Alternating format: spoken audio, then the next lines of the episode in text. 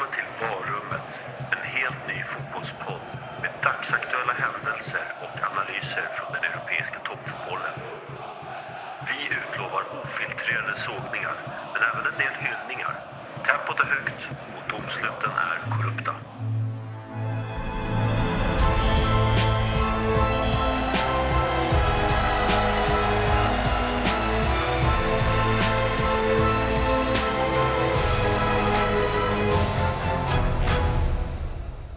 Vad härligt René att äntligen få se Zlatan igen i den svenska träningsdressen. Den mörkblå. Ja, det var, det var vackert att se honom där på presskonferensen bredvid Janne. Ja, det var ju, det var ju ett fantastiskt ögonblick. Och, och de två tillsammans också. Vem hade trott det efter den turbulenta historik de haft eh, sinsemellan? Med ganska hårda ord från Zlatan får man väl ändå säga. Eh, rasistanklagelser nästan. Ja, jag tror att eh, det var många som var skeptiska och trodde nog aldrig att, att, det, skulle, att det skulle ske. Men eh, ja, de satt där bredvid varandra. Zlatan var ovanligt ödmjuk måste jag säga. Väldigt ödmjuk och väldigt respektfull kändes det som. Eh, framförallt mot Janne och han har ju kallat honom för en vinnare och han har ju verkligen lovordat Janne och hans eh, lag och det bygget som han har byggt upp egentligen med med senaste eh, framgången i VM som, den, som det stora klimaxet än så länge i alla fall. Mm. Eh, så det var, men jag håller med dig, det var en väldigt ödmjuk Zlatan, en väldigt trevlig Zlatan kändes det som. Även om man, oh, det kändes som att han höll tillbaka lite grann. Han ja. ville väl hugga där vid något, något tillfälle. Jag, var, väl... jag var förvånad när Olof Lund började ställa frågor och Zlatan var så, så snäll mot Olof Lund av alla personer. Man höll ju andan lite grann där och väntade på att det skulle bli en sågning där, men det blev inte det. Det var otroligt. Men det, det är nog en liten ny Zlatan som vi ser ändå faktiskt. En lite mognare trevligare Zlatan, lite mer kramgod känns det som. Ja, och det faktum att han tar nummer 11 och inte nummer 10 säger väl allt. Precis, han hade ju frågat eh, Isak lite försynt till och med om han eh, fick eh, ta 11 av Isak och Isak sa ju att han svarade lite skämtsamt att han vill ha tillbaka den om 6-7 år. Ja, när Zlatan är 45. Ja. Precis, och, ja, och då får han tillbaka den. Så det var väl en rimlig kompromiss. Man kan väl anta att Isak eh, kommer att få ut väldigt mycket av att bara få träna och spela med Zlatan. Om än för en kort period, om det nu blir det, en kort sejour eh, i, i, i landslaget så är det ju en investering han har gjort, eh, absolut. Absolut, men Zlatan nämnde också att Emil Forsberg hade kontaktat honom och sagt att eh, han, han kunde få tian men att Zlatan valde att säga, att säga nej och liksom, eh, säga till Forsberg att nej, du har tian. Numret spelar ingen roll för mig. Så det, mm. var, det var intressant. Ja, det var väldigt intressant. Just Emil Forsberg också som eh, vi har väl tyckt har varit lite av en gnällspik. Både han och hans eh, agent är väl lite små småjobbiga i största allmänhet. Men, men det, det, var intressant tyckte jag att han valde bort tian då eller, eller gav den till Forsberg får man säga, gav tillbaka den till Forsberg. Och, men ändå så vill han då eh, mena på att det inte spelar så jättestor roll vilket nummer han får och det var ju trevligt.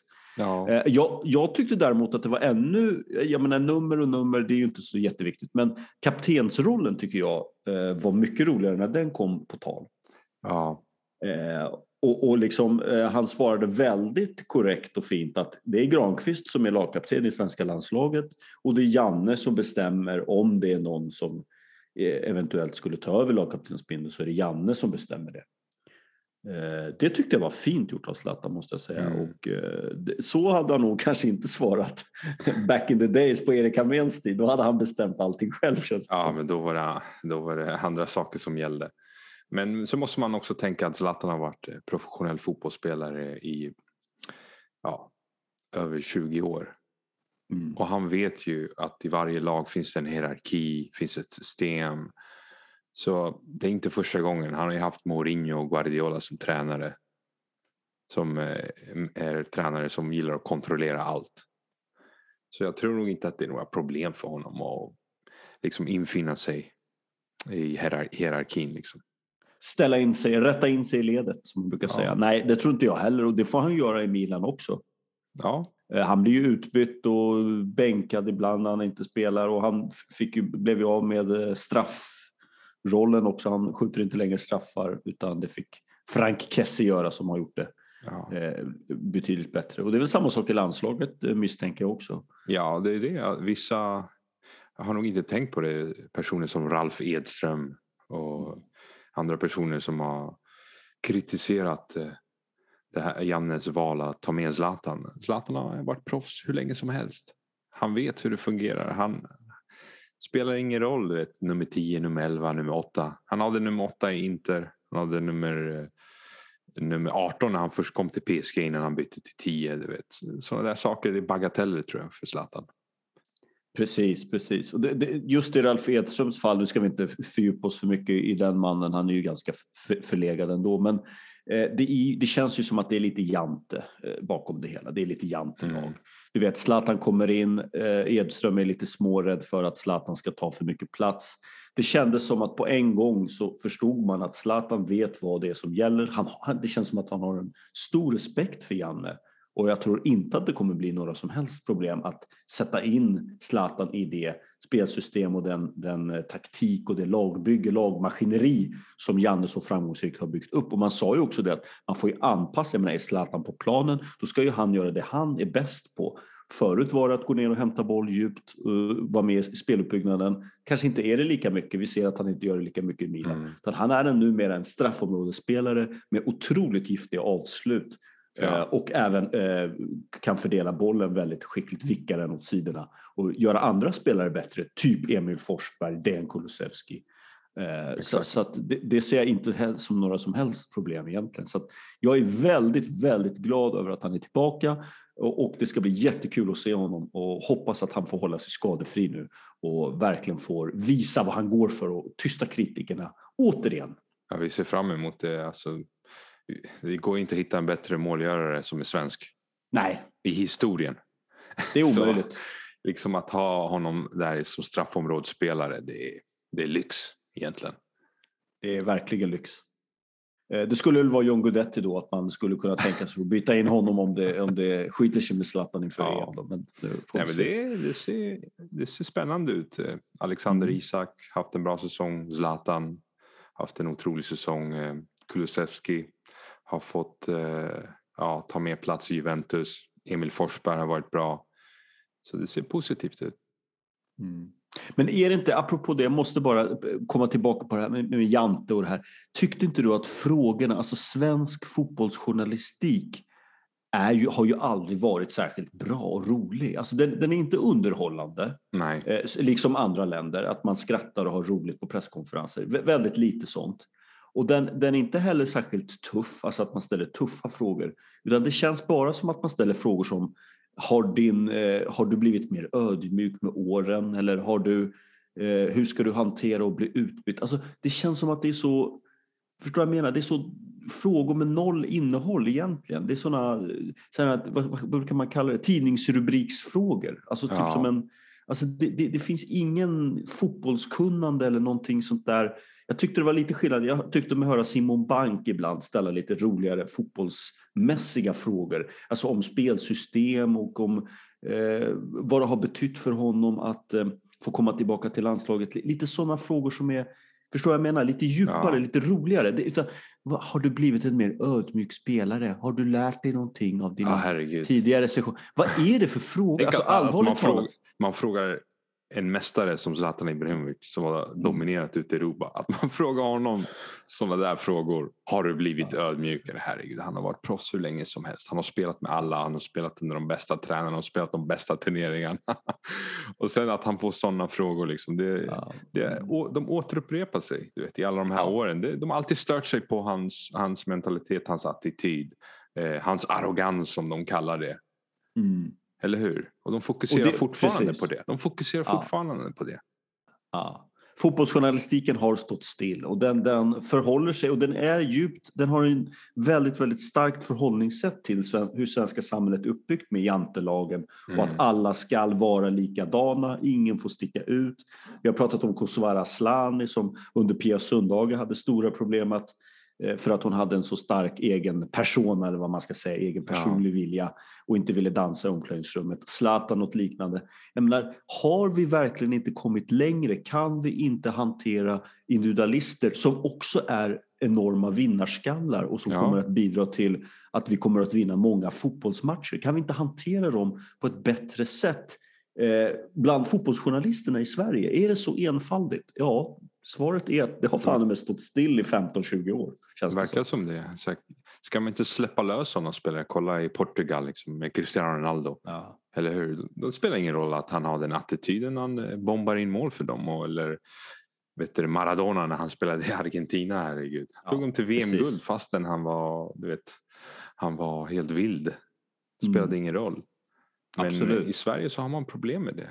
Det verkar som att man hellre vill ha en, en ordningsam eh, kille som eh, kämpar hårt, sliter hårt men inte gör några mål. Mm. Ja, precis. Och det, det, ja, jag tycker att det är tråkigt men jag tror att det kanske blir lite förändring eh, så sakteliga. Men allting tar ju extra lång tid i det här landet. Det, det, så är det ju. Ja, det är klart. Men till exempel Kulusevski, kommer du ihåg när, när han var ja. bänkad, äh, bänkad efter sin äh, fina säsong i Parma? Mm. Och så sa han, ja, jag är chockad. Och det blev uppståndelse, enorm uppståndelse över det. Ja, precis. För att han använde ordet chockad. Ja, och eh, han var det, ärlig. Det, ja. han, är, han, han är tävlingsinriktad person. Han vill vinna matcher, han vill utmana, han vill vara du vet, mannen i centrum. Det är väl ingen problem. Ja. Man behöver spelare med spetskompetens. Ja, en utav Serie A's, kanske Serie A's allra alltså, bästa spelare den säsongen. Han var ju, han var ju extremt bra. han var en bästa unga spelare. Han var bästa unga spelare, bäst form i hela landslaget. Det fanns ingen som hade bättre form än ja. Kulusevski när han fick chansen. Och det är klart att han blir chockad när han då inte får spela i svenska landslaget. När han gör sån braksuccé ja. i Serie A. Att det, Sebastian det, Larsson gick före honom som spelar i allsvenskan. Det är klart han blir chockad. Och ja det, det, är ingenting emot någon annan i landslaget men det är bara Nej. så han kände. Liksom. Men det Precis. blev uppståndelse. Ja. Nej, vi får sluta ha den här tråkiga eh, jantefilten över svensk fotboll. Det, det, det känns inte bra och jag tror framförallt inte att det gynnar svensk fotboll som du säger. Vi, vi kväver dessa unga talanger ja, istället för att uppmuntra dem att gå sin egen väg. Det tycker jag är synd och det behöver inte stå i kontrast till att bygga ett fint lagbygge. Det går att göra både och, inbillar jag mig själv och det tror jag. Ja. Och det är väl Janne delvis ett bevis på också. Att ja. det går. Och sen tyckte jag det var väldigt härligt bara om man får bara knyta an till här sista Zlatan presskonferensen, att han får på slutet den här frågan om sina barn och han visar, han faller nästan i tårar när han pratar om sin son som ja. sa till honom inför att han skulle komma. Och vad det betyder med landslagsspel betyder ju ännu mera frånvaro från familj och vänner eh, och barn. Så det, det, och det kändes på något sätt, det kändes väldigt härligt att se Zlatan eh, mänsklig och, mm. och, och, ha nära till. Jag menar, man ser ju han aldrig sårbar. Väldigt sällan ser man honom sårbar på det sättet. Och det, det tyckte jag var väldigt eh, härligt uppfriskande faktiskt ja. att se den sidan. Eller vad, vad tycker du René? Ja, det var väl känslomässigt. Eh, det är så att jag har aldrig sett honom gråta på fotbollsplanen när han har förlorat stora matcher, när han har åkt ur eh, stora mästerskap, när han har missat straff. Eh, du vet, och de har förlorat matcher. Aldrig har, fotbollen har aldrig fått honom att gråta, fått honom till tårar. Men eh, hans familj gjorde det, så det var vackert att se. Det var väldigt vackert att se. Han, han, är ju inte känd för att vara en man med lättstimulerade tårkanaler. Om man säger så. Till skillnad från Andreas Granen Granqvist som ju gråter stup i ett känns det som. men, men, eh, och det är ju härligt. Eh, missförstå mig rätt. Det är härligt tycker jag att se sånt på fotbollsplanen. Jag gillar det. Jag tycker om när man visar känslor. Och jag menar, Cristiano Ronaldo, vi har diskuterat honom, är också en man med känslorna utanpå kroppen känns det lite grann som. Mm. Så, att, så jag tyckte det var härligt. Eh, uppfriskande och roligt och vi får se vad Sverige kan hitta på mot. Eh, vi möter ju eh, Georgien på torsdag på. Friends inför tomma läktare i dessa pandemitider. Och vi ska väl ge oss på kanske ett litet tips när vi ändå håller på. Men, men ska vi inte bara närma oss startelvan lite snabbt? Vi brukar ju okay. fastna vid älvorna, men kan vi inte bara få en startelva och sen se vem som prickar rätt? En, en okay. liten snabb, snabb, snabb kör. Ja, börja du. Ja, Olsen i mål, Augustinsson vänsterback, Lustig högerback. Mittlåset eh, så har vi Lindelöf och Helander. Jag tror jag skulle säga Granqvist då. Nej, det har jag aldrig sagt. Det går Ja. inte. Det går inte. Nej, Helander. Och sen eh, Ja. tror jag att vi spelar till vänster Forsberg. Till höger mittfältet så slänga in Kulusevski. Och sen eh, centralt så har vi Ols, eh, Kristoffer Olsson och Albin Ekdal. Och på topp så blir det nog Isak och Zlatan. Oh, du går på Isak och Zlatan från start. Berg har varit eh, skadad. Ja, det han- är sant. Han hinner Nej. nog inte tillbaka eh, till Georgien-matchen. Kanske mot Kosovo. Men ja, jag tror det blir Zlatan och Isak. De bägge är i bra form. Mm. Zlatan gjorde mål i senaste Ja. matchen. Väl, vi ska komma till det. Otroligt snyggt. Men eh, Quaison då? Du tror inte Quaison? Quaison Isak? Nej, Quaison han har eh, varit borta länge med skador. Så, ja, Men han har fått väl kommit tillbaka nu, spelat några matcher i Mainz? Han har varit inhoppare. Ja, han har fått hoppa in. Ja. inhoppare. Mm. Han gjorde mål men han var inhoppare och i senaste matchen var han också inhoppare. Så därför tror jag att det blir Isak och Zlatan från start. Och det är det vi vill se, eller hur? Ja, det, det är det vi vill säga. Jag försöker bara hitta ett fel i, i, i den otroliga Picasso-tavla som du har målat upp här. Alltså det, det är ju fantastiskt. Och jag ska faktiskt säga så här, jag håller med dig. Jag, jag, jag kunde inte ha tagit ut en bättre elva eh, själv, så jag, jag kopierar den faktiskt. Jag ska vara lite tråkig. Ja. Eh, Jag tänkte på Claesson istället för Kulusevski, men Claesson Mm. är väl fortfarande inte riktigt tillbaka i full, full kraft så att säga. Jag har lite dålig koll på ryska ligan, men den har väl eh, också eh, så får vi inte ja, glömma- sina förklaringar. Att vi möter Georgien, vi möter inte Spanien eller ett starkare lag. Så vi kan precis. spela offensivt. Därför tror jag att Kulusevski, Forsberg, Zlatan och Isak kan vara på planen samtidigt mot Georgien. Just det. Och vi säger 4-0 till Sverige. Du drar till med 4-0, okej. Ehm, ja, Hellanders Rangers spelade ju 1-1 på Old Firm mot Celtic. Och, eh, ja, jag gillar ju Filip Helander, jag tycker han är duktig och Lindelöf har ju väldigt bra form just nu. Eh, trots att United åkte på stryk, då vi ska återkomma till det. Men jag drar till med och säger 3-0 då. Jag säger 3-0. Okej.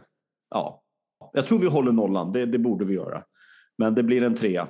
Ja, stabilt. Ja, men vad kul. Ja, den eh, borde vi nästan live-rapportera, live-podda från den matchen. Vad skulle Ja. vara kul att stänga av, stänga av kommentatorsljudet och så kör vi bara kommentatorer hela tiden.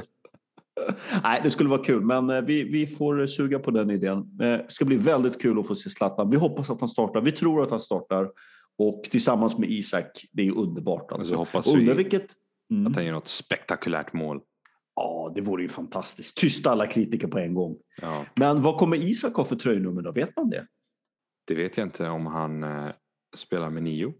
Eller om han Ja, eh, tar något nummer som 21 eller 19 eller något liknande. Ja, just det. Ja, vi får se. Det blir kul att eh, se. Och har du sett de nya landslagströjorna förresten? Borta ställ. Ja, Ja, de där blåa. Jag tyckte de var riktigt snygga. ja, faktiskt. Funderar på att kapa en in, innan EM. Ja, det vore härligt. Mm. Vad ska du ha för, eh, för namn på ryggen? Ibrahimovic.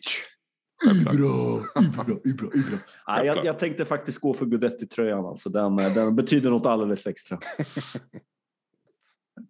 Nej, men kanske Isak. Jag, jag skulle vilja ha en Isak-tröja faktiskt. Eller Det Granqvist. Om han Ja, startar. för- då, vore det ändå, det Ja, vore ju ändå riktigt eh, tungt att ha Granqvist på ryggen. faktiskt. Och en kebabtallrik i kistan också. För dig, ja. Sade han lite besviket. Nej, men, eh, ja, men det blir kul. Eh, och vi måste ju gå in på naturligtvis Göteborg. Vad håller de på med? Ja. Vad är det de håller på med? Vill de tillbaka till fornstora dagar med eh, Torbjörn Nilsson och de andra i, i truppen? Alltså vad är det på gång i Göteborg? Ja, han värvar Berg och Wendt.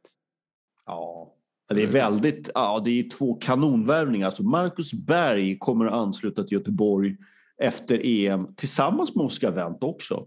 Ja, Eh, och det är ju otroliga värvningar egentligen. Och eh, ja, ja. Blir de, är de favoriter nu eller? Alltså, det ska Nej. ju mera till. Ja, det ska ju väl mera till. Malmö känns ju fortfarande som ohotade favoriter i allsvenskan. De är bäst, de har den bästa truppen. De har lyckats otroligt bra också i Europaspelet, eh, sett till sina förutsättningar som allsvensk klubb. Eh, det är ett under att de inte vinner allsvenskan varje år, kan jag tycka i och för sig. Men, men eh, så att det, ja. Men Berg och Wendt.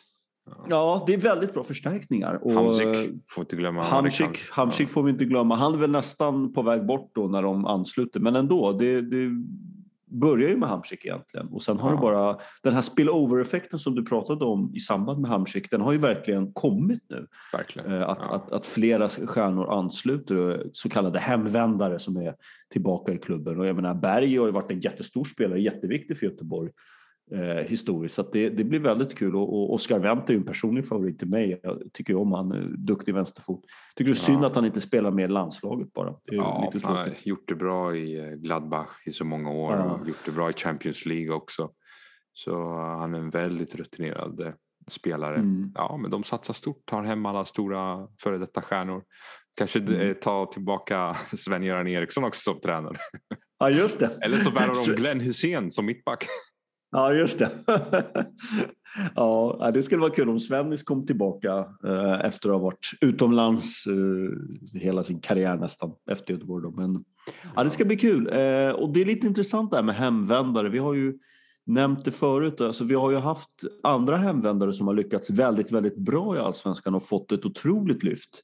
Till exempel Sebbe Larsson som det absoluta bästa exemplet kommer tillbaka till AIK, vinner SM-guld mm. och har gjort kanonsäsonger. Han är ju otrolig, han är ju ovärderlig för Gnaget alltså. Han är, ja, kämpar 100 procent, han har allsvenskans bästa högerfot, otrolig frisparkfot, eh, fantastisk spelare som har verkligen höjt laget. Du vet varför det är så? Han är akademispelare från Arsenal. Nej, just det, precis. Jag visste att du skulle bädda in Arsenal i det hela. Ja. Du kunde inte hålla dig. Kristoffer Olsson var ju en sväng tillbaka efter Arsenal. Just det, precis. Och, uh, jätteduktig också. Ja. Uh, lyckats jättebra, också med och tog AIK till SM-guld. Anders Svensson, han kom tillbaka till Elfsborg, otroligt bra. Var allsvenskans bästa mittfältare, helt klart. Dominerade Rosen... fullständigt. Rosenberg var ju strålande i Malmö. Oj, oj, oj. Rosenberg ska vi inte prata om. Mannen som eh, aldrig kunde sluta springa kändes det som. Han, var, han, var, han hade vassa armbågar men han var jäkligt bra, alltså, Mackan Rosenberg. Ja, vilken högerfot han hade också. Slog väl aldrig riktigt igenom eh, utomlands heller kan man väl säga. Ja, det blev väl aldrig den där braksuccén som man, som man hade hoppats på. Helt okej, okay, men i Malmö är han ju en, ja, han är en legendar, eller hur? Ja, verkligen. Champions League att, spelade han med dem och Europa League. Ja, ja, ja, ja, och gjorde viktiga mål och ja, han borde nästan bli adlad på, på Malmö torg. Ja. Eh, det, det vore fantastiskt. Men alltså det, det, och det är intressant med hemvändare för att och vi har ju nämnt många som, som har varit väldigt, väldigt eh, lyckosamma också. Sen kan det ju bli eh, åt andra hållet att man dras med skador och jag mm. menar, ingen av de här spelarna naturligtvis är ju purunga när de har kommit tillbaka såklart. Men, men eh, förutsatt att de håller sig i god fysisk form och eh, får vara skadefria så är det en otrolig tillgång och ett, ett verkligen ett, ett, ett, eh, bra, en bra värvningar för allsvenskan också för att få upp kvaliteten på allsvenskan. Ja, det behövs. Henok Goitom till exempel, han, han kom ju tillbaka lite tidigare. Han var inte lika gammal som Henrik Larsson och andra spelare. Och han har gjort det bra. Just det. Ja. Men han var kanske inte, han var ingen stjärna ute i Europa, det var han inte. Nej, han spelade väl Almeria och lite sådär. Ja. Men, men, eh, ja. men han har vänt hem och verkligen gjort det bra i AIK. Ja. Och sen har vi Henrik Larsson självklart. Självklart, kingen, han, kungen. Ja. När han eh, vände hem. Och det intressanta mm. var när han var i Helsingborg så blev han utlånad till Manchester United.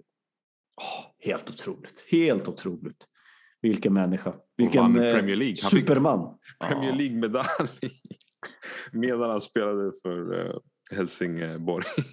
Ja, det är fantastiskt. Ja, men det är ja. fantastiskt. Det, det, säger lite grann om Henrik Lars. Och sen kan han ju spela innebandy på högsta, högsta nivå i Sverige också, ja. som är ju det bästa innebandylandet i världen. Det säger en del om svenska innebandyligan. All, all, ja, all respekt för innebandyspelare, men det säger en del om man kan gå in och spela på högsta nivå efter fotbollskarriären. Ja. Ja, fantastiskt och kul och ja, jag ser verkligen fram emot allsvenskan.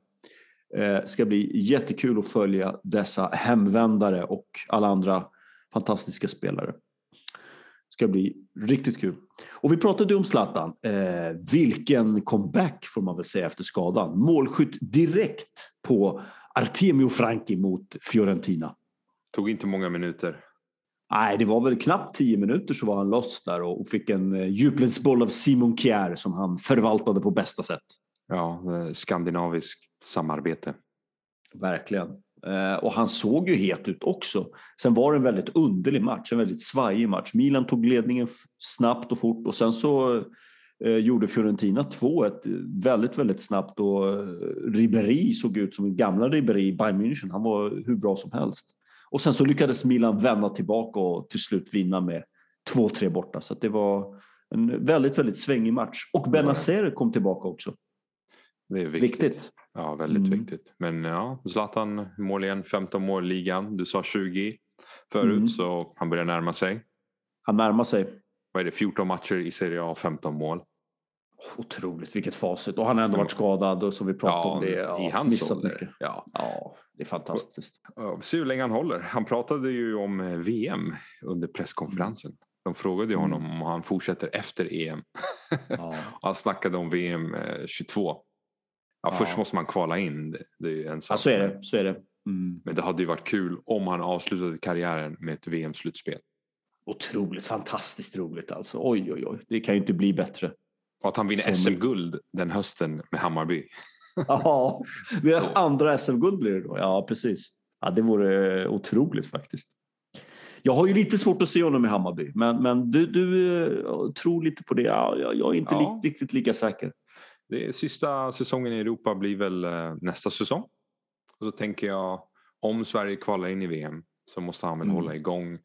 Och då är hösten eh, i allsvenskan perfekt. Mm. Eller hur? Ja, höstspelet, jag vet inte, på Årsta IP, konstgräs, Zlatan, 40 år. Ja, det vore ju någonting. Alltså, att han är delägare i klubben och eh, vinner SM-guld som spelare. Ja, det vore ju fantastiskt, missförstå mig inte. Det vore ju fantastiskt. Och det är klart att vi köper ett årskort på Tele2 Arena och går och kollar på alla Hammarbys hemmamatcher. Ja, det skulle vara fullsatt. Det, skulle, det, det är fullsatt utan honom. Ja, exakt. De har ju otroligt snitt Hammarby faktiskt, måste ja. man ge dem. Men, men eh, nej, det vore fan underbart att se Zlatan på Tele2 Arena. Jag har lite svårt att se det, men, men eh, ja, jag ser en eh, skada i vaden vid första träningen, liksom Hamsik, ovana ja. med konstgräs. Men vi får hoppas på det. Det vore väldigt kul om han kunde komma till allsvenskan ja. efter sitt Europaäventyr. Väldigt roligt. Eh, stark vändning. Eh, Chalanoglu, turken, gjorde en riktigt stark match också. Jag ville bara nämna hans otroligt fina avslut i bortre. Mm. Eh, väldigt viktig för Milan också. Otroligt viktig spelare. Mm. På tal om vändning, West Ham Arsenal matchen. Där hade oj, vi en oj, oj. rejäl vändning. Ja, jag, som du vet så satt jag ju med kryss 2 i den matchen. Det var ju fruktansvärt tippat egentligen då, men jag trodde verkligen på Arsenal. Men West Ham ledde alltså med 3-0. Efter 33, efter 33 ja. minuter. Vad är det? Vad är det som händer? Och jag sa ju till dig innan säsongen började. Arsenals backlinje, försvarsspelet, det är ju uruselt. Ja, det handlar om mentalitet egentligen. Det är inte spelarna, det är mentalitet. Det är någonting som det är så ingrott Tyvärr. Ja, och sen får ju Bernard Leo får ta på sig, vad var det första andra målet där som var ju för, Ja, alltså hela laget får ta på sig när, när det var frispark ja. och de liksom står och eh, tjafsar med domaren. Och så ja. spelar West Ham igång snabbt och gör mål. Där första stolpen. Ja. hela laget får ta på sig det där. Det var ja. förfärligt alltså, förfärligt. Men måste ändå säga att de kom tillbaka efter att ligga under med 3-0. Det blev 3-3. Ödegård var, var bra igen, var viktig i, i upphämtningen. Så ja. Jag får krypa till korset lite grann när det gäller Ödegård. Eh, jag var ju väldigt kritisk till honom och tyckte att han var överskattad och sådär. Men, men eh, ja, han har gjort det väldigt bra i Arsenal så här långt eh, faktiskt. Han passar. Han passar där väldigt bra. Han, han är väldigt bollskicklig och snabb, teknisk, får igång laget på ett helt annat sätt. Ja, han har tagit jättestora kliv i Sociedad och det kanske är så att han tar ytterligare kliv i Arsenal. Vi får hoppas det. Ah. Eh, såg väldigt bra ut. Eh, och sen vill jag ju naturligtvis eh, nämna Zuzek också. Han gjorde väl både mål och självmål. Ah. Han har gjort nio ligamål i Premier League den här säsongen. Central mittfältare. Vilken säsong. Ja, men han är duktig faktiskt. Eh, och det, det, ja, otroligt. Och en, en stor anledning till West Hams fantastiska säsong får vi väl ändå tillägna eh, Zuzek. Han har ju varit riktigt, riktigt vass. Eh, måste jag säga. Och sen Leicester City slog United i den viktiga fa Cup-matchen Mm. med 3-1 och det var väl inte så mycket att säga om den segern egentligen. United såg ut som United brukar göra när de inte ser bra ut. Eh, ihåliga och, och inte alls bra faktiskt. Ja. Osammanhängande spel och Ja. ja, funkar inte riktigt. Så nu är det bara Europa League kvar eh, när det, Ja. gäller, eh, när det gäller troféer den här säsongen. Eller hur? Just det, De kan, precis. eller titlar. De kan bara vinna Europa League för nu är alla andra titlar är eh, utom räckhåll så att säga. Ja, det känns ju som att Premier League sedan ett tag i alla fall har varit ganska avgjort. Oh ja. Får man väl säga. Får man väl säga. Lite, lite oförsiktigt eller försiktigt. Matematiskt Men- det- sett, matematiskt Ja, sett kan, kan Arsenal inte vinna ligan längre. Nej, just det. Ja, jag Så- trodde du skulle säga något Ja, annat. nej, tyvärr. Så Arsenal vinner inte Premier League i år tyvärr. Nej, det, det var väl ingen som hade förväntat sig heller. Om vi ska vara ärliga eh, egentligen. Ja. Det, det, så är det ju. Men, men lite kul också att du nämnde att eh, eh, Europa League är det enda som United har kvar så att säga. Och det är väl samma sak för The Gunners. De får väl också sikta in sig. Tänk dig vilken drömfinal om de möts i finalen. Alltså, de, kan, de kan bara mötas i finalen. De, de möts inte, ifall bägge vinner sina kvartsfinaler så möts de inte i semin. Så om de, eh, Mm. bägge lagen vinner resterande matcher så möts de i finalen. Vilken drömfinal alltså. Oj, oj, oj. Då måste vi gå och titta på den. Alltså, det- kommer bli en otrolig match. Hur nervös kommer du vara då? Ja, det vore skrämmande. Men eh, Ja. jag vill helst möta typ Ajax eller något i finalen. Möter du hellre Ajax än United? Ja, det är, Är det sant? Ja men bara tanken att förlora ännu en final mot ett engelskt lag. Nej, det är inte okej. Ja, det är inte okej. Rädslan för att förlora mot United är större Ja, blir än för, glädjen att vinna. jag kommer bli överväldigad av skam. Så, Men säger, säger inte det allt om hur Arsenal-supportrar fungerar? Ni, ni, just nu, ni saknar ju självförtroende Det var självklart. Ni har, ni har ju tappat självförtroendet helt och hållet. Ja, men det är bara att kolla på, det är bara kolla på hur säsongen har varit. Eller? Ja. ja. Nej, det, det, det. Och det är så här, man avslutade förra säsongen så positivt med att vinna FA-cupen med Ja. att slå ut City och sen vinna mot Chelsea i finalen. Och man hade ju lite optimism inför den här säsongen men ja, det flög, flög ur fönstret snabbt. Alltså. Den optimismen eh, grusades ganska fort när man var nere och härvade i de nedre regionerna. Ja, det var förfärligt. Förfärligt. Ja, ja. Nej, det, det är inte kul. Jag vet själv med Gnaget hur det var förra säsongen. Vi var också nere på eh, kvalplats eh, och lyckades ta oss upp. En liknande resa faktiskt som Arsenal har gjort i Mm. år. Att lyckas rädda någonting i alla fall. Eh, Och det, det är väl inte mycket men, men eh, ja, vi får hoppas på en lite framgång i, i Europa League. Menar, ni har ändå kommit eh, relativt långt och inte mött kanske med all Ja. respekt för Olympiakos och Eller? Ge oss någonting. Vi Arsenal-fans, vi, vi, vi har så lite. Vi har så lite vi Arsenal-fans. Kom igen, ge oss en, en titel. Ja, ja det är kul. Men jag, jag, brukar, jag brukar faktiskt jämföra Arsenal lite grann med Hammarby. Det är lite samma typ av fans. Det är lite det? samma typ av klubb. Ja, men all, alltså det, det är en förolämpning historiskt. naturligtvis. Eftersom, Nej, hur många inte gånger, historiskt. hur många Nej, gånger nej. har Hammarby vunnit ligan? En. En. Arsenal har vunnit ligan eh, 13 gånger. De är alltså Ja. tredje mest i England. Och de har flest Ja. fa Cup-titlar. Så man, Ja. det är lite taskigt. T- Ja, det är lite taskigt. Eh, ti- Titelmässigt, det går inte, så är det. Men det känns som att fans, alltså, jag kan tänka mig att Arsenal har en väldigt stor skara fans. Eh, och, eh, även runt om i världen, alltså utanför England Ja, har man en otroligt ja, ja. stor fan. Jag kan tänka mig, jag leker med tanken att det är United Arsenal som är, kanske är störst till och med i, i England vad det kommer till fans utanför England. Det är bara att kolla på Youtube, Arsenal Fan TV. Det är Ja. den största Youtube-kanalen för fans av något Precis. lag. Eh, Mm. och de här Chelsea-fansen, herregud. Innan Abrahamovic kom, de, de hejade på Fulham, hälften av dem. Exakt, exakt. Ja, de bara, åh nej, helt plötsligt så bytte de den vit, vita Fulham-tröjan mot Chelsea-tröjan 2004. Ja, ja, så är det. Ja. Nej, men, men, men om man får slutföra. Alltså Arsenal är lite så här. Det är, jag brukar kalla Hammarby IF för mer än en sällskapsförening än en idrottsförening. Och det, och det brukar jag säga för att det är viktigast för fansen det är att det är kall öl i baren och att de spelar rolig fotboll, samba-fotboll. Det är viktigare att vinna med 5-2. Det är bättre att vinna med 5-2 än att vinna med 2-0. Mm. Och det är, bara, det är bara Hammarby-fans som tycker det.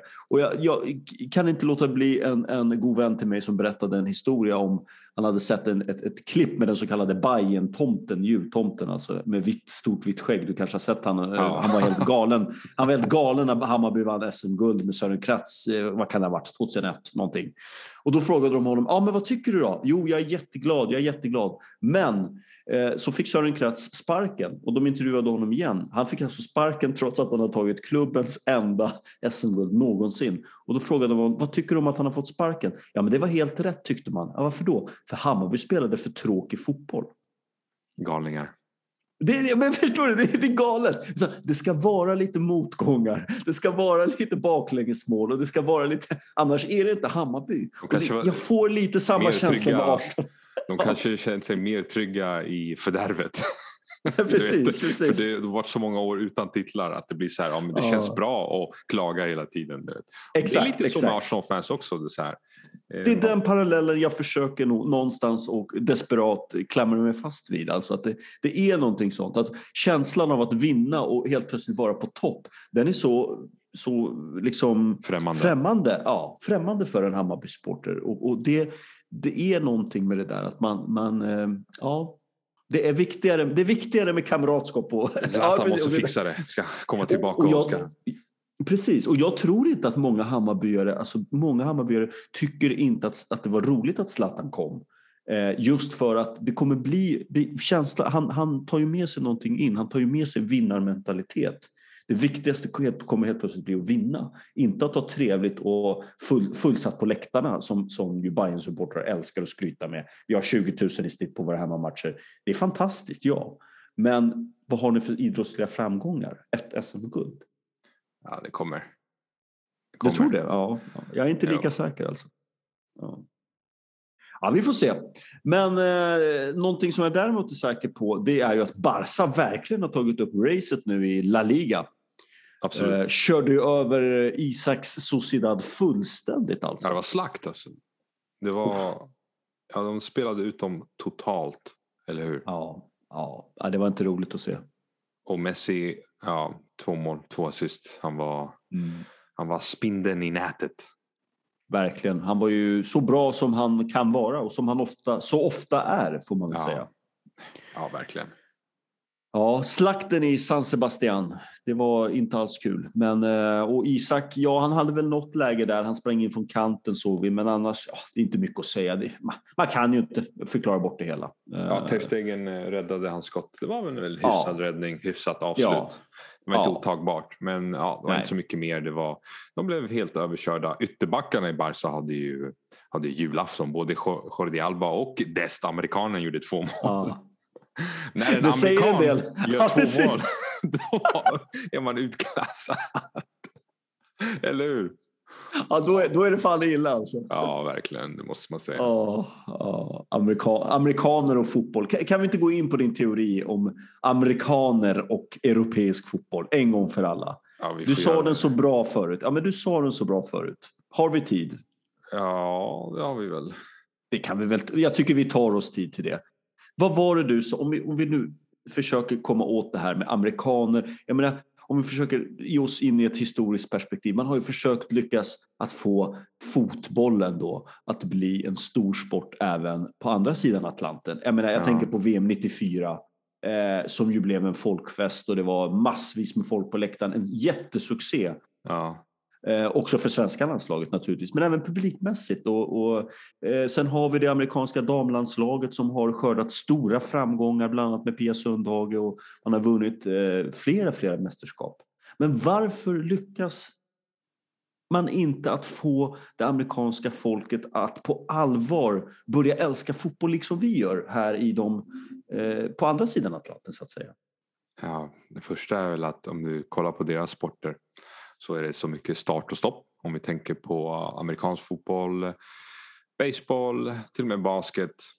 Det, det är liksom korta sekvenser. Amerikansk fotboll var det 10 sekunder max. Du får bollen till quarterbacken, quarterbacken slänger upp den till eh, en mottagare och sen är det, är det, är det anfallet klart. Och då, då bryts det och det är reklam och det är öl och det är korv och jag vet inte.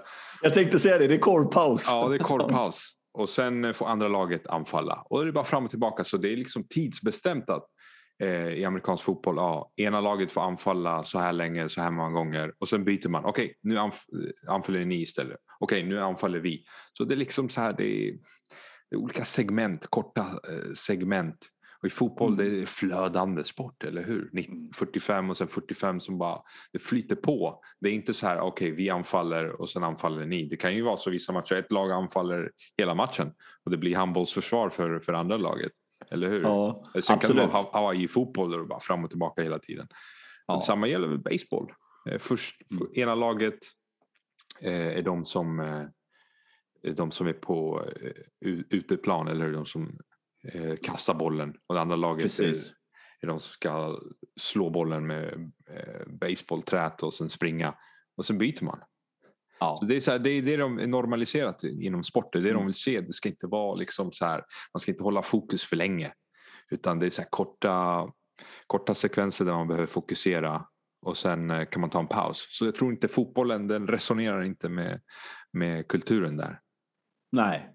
Ja, men det, jag, jag tror, första gången du berättade det här för mig så, så blev jag helt eh, såld faktiskt. Alltså det, var, det var en väldigt bra analys. Eh, USA verkar vara de korta segmentens idrott. Alltså man orkar kanske inte hålla koncentrationen uppe. Jag menar två gånger 45 minuter, som du säger, böljande spel fram och tillbaka. Ja. Man måste vara koncentrerad hela tiden och, och det blir inga pauser.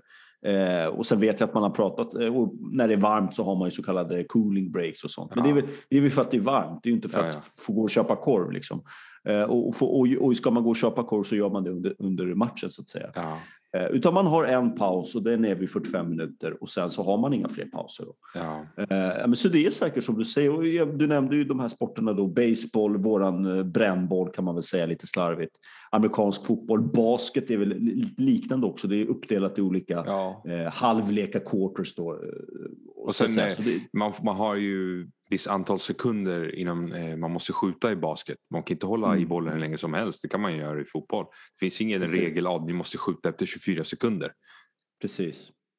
Så då, då ja. är det ju så att det blir anfallet tar slut, andra laget anfaller. Du vet. Mm. Mm. Och det är lite så, lite så det är med amerikansk sport. Så då är det svårt för dem att anpassa sig till fotbollen. De förstår, en 0-0 mm. match för dem, det är så här obegripligt. Ja, Tänk på precis. det också att när du får en touchdown det är sex poäng. Och sen efter ja. du har eh, eh, slagit touchdown så får du sparka bollen i, i det här stora målet så får du ett poäng, två eller tre. Du vet, så det, det. Mm, mm. Eh, poängskörden är mycket högre i basket. Två poäng eller tre poäng. Eller hur? Och matcherna mm. slutar 100, 105 mot 100 liksom. Så mm. ja, 0-0 matcher, taktiska 0-0 matcher. Det mm. måste vara tortyr. Ja, för precis. vissa amerikaner. Ja, och jag tänkte på en annan sak. Det kanske inte, det kanske inte riktigt är samma sak, eller det kanske inte har med saken att göra, men det är min förklaring lite grann också. att Den amerikanska eh, självbilden, den är ju att de är störst, bäst och vackrast på det ja. mesta. Mm -hmm. Och jag menar om man tittar på de sporter, de idrotter du nämner, baseball, Eh, basket. basket. i allra högsta grad eh, och amerikansk fotboll, jag menar, du hör ju på namnet, jag menar, det är ja. ju deras idrott. De är ju bäst på det i hela världen. Utan tvekan, ja. Utan tvekan och även hockey, ishockey ja. är en väldigt stor sport. De, är, de är, kanske inte, äh, ja, de kanske inte är bäst, men de är, de, är, de är väldigt, väldigt bra i alla fall. De är ja. topp fem i världen skulle jag vilja påstå. Med all säkerhet. Är Kanada, USA som är de stora, Sverige, Finland. Men i fotboll, där är de ju, alltså jag menar med all respekt för det amerikanska fotbollslandslaget, men de är ju bara en parentes i sammanhanget.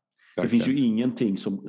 Och jag tror att det, det, kanske blir för amerikanerna, varför ska vi titta på socker då som de kallar det, när vi är så pass usla i det? Mm.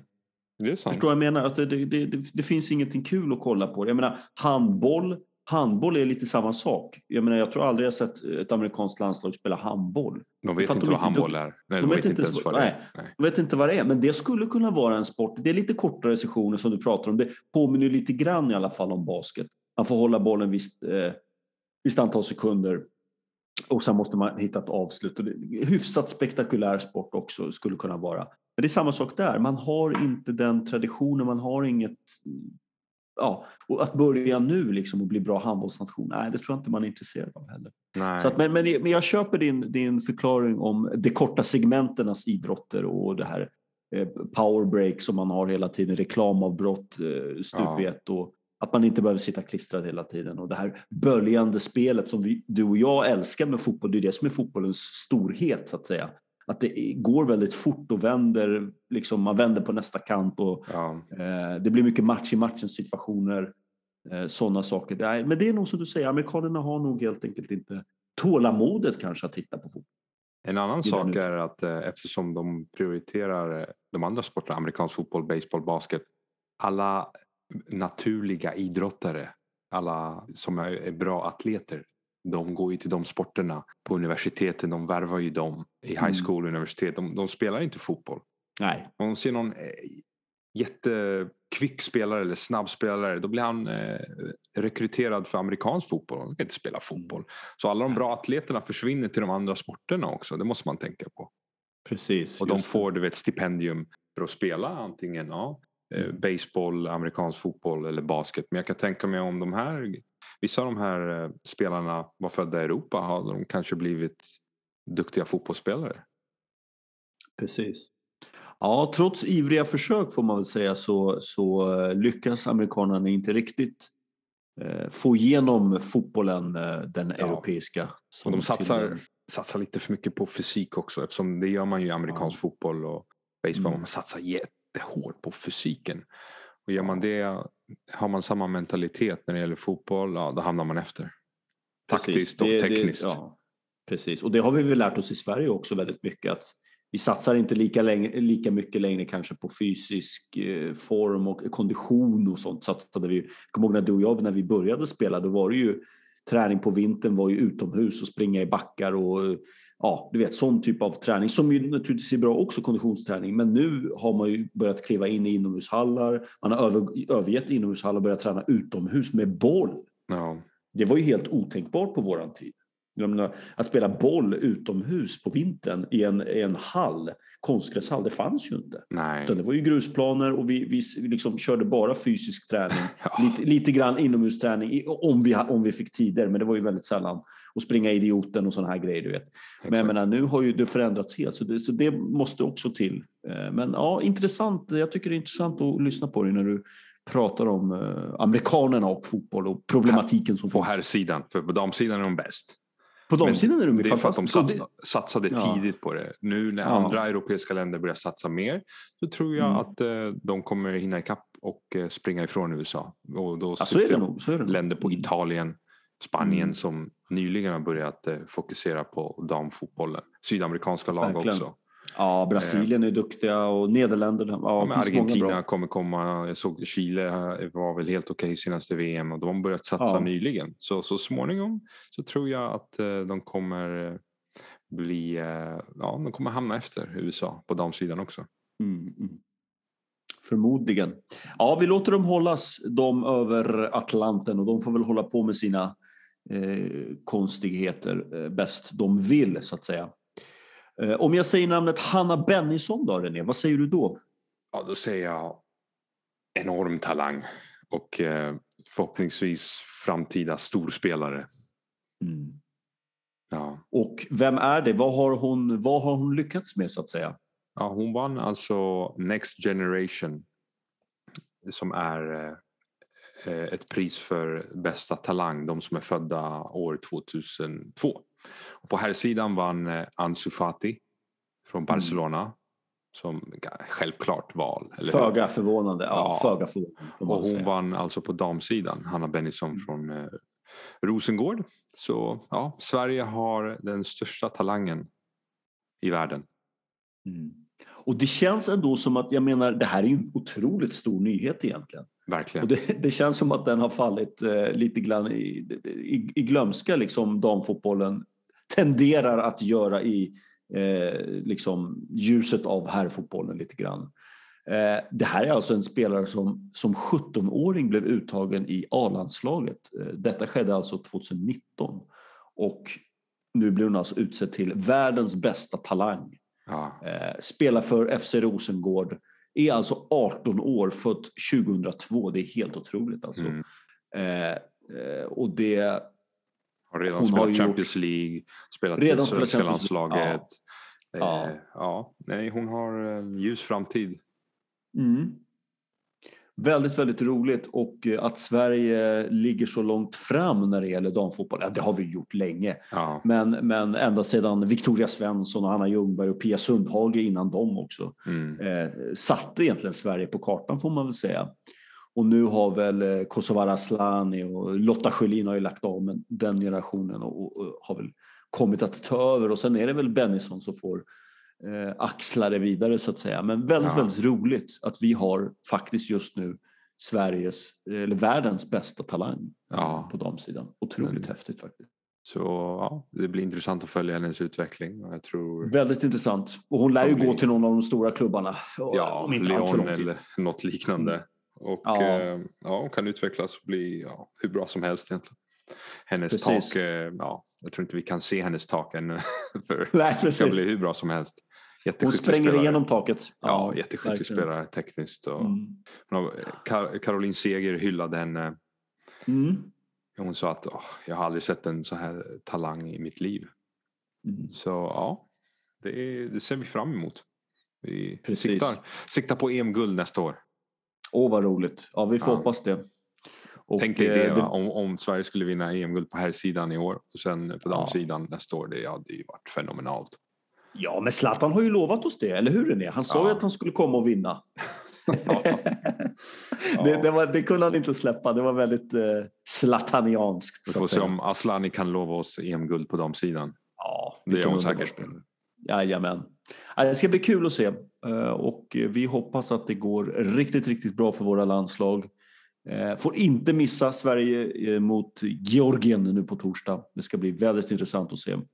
Vi har tagit ut laget och vi har tippat och eh, ja, vi har väl inte mer, än säga, mer att säga än så. Ja, Eh, Det- Vi, vi längtar till Konjaspor Fittja, eh, norra Botkyrka derby på Fittja IP mm. som stundar också. Och sen det är den 9 april och sen dagen efter så har vi Sverige mot USA, damfotbollen. Oj, oj, oj, vad Det roligt. skulle vara kännas skönt att trycka till USA där. Det är alltid kul att tvåla dit amerikanskorna. Det, Ja. det känns ungefär som att tvåla dit England, nästan lika bra. Inte riktigt, men nästan. Ja, på här sidan. Ja, när man slår Ja, ja. England, det är, det är något fantastiskt. Men även när vi slog eh, England på damsidan i senaste var helt slutspelet. VM-slutspelet, var- bronsmatchen. Det var ju fantastiskt. Åh, vad Ja. roligt. Och det, det var perfekt Det- för året innan så hade ju eh, England kommit fyra på här sidan Ja. Och Ja, så kom det. de fyra på damsidan så det var perfekt. Åh, Det är underbart. Ja, Det är underbart. det betyder att de förlorade semin och match om tredje pris. Både på här sidan och damsidan. Ja, det kunde inte bli bättre. Det, kun- det kan inte bli bättre. Fyra är ju det absolut värsta man kan bli i ett mästerskap. Det finns ju ingenting värre. Man åker ju nästan hellre ur gruppspelet. Nästan alltså. Eh, Nej, nej, kul, kul, kul. Ehm, ja, ska vi säga så? Vi säger så. Och gratulerar igen till Hanna Bennison.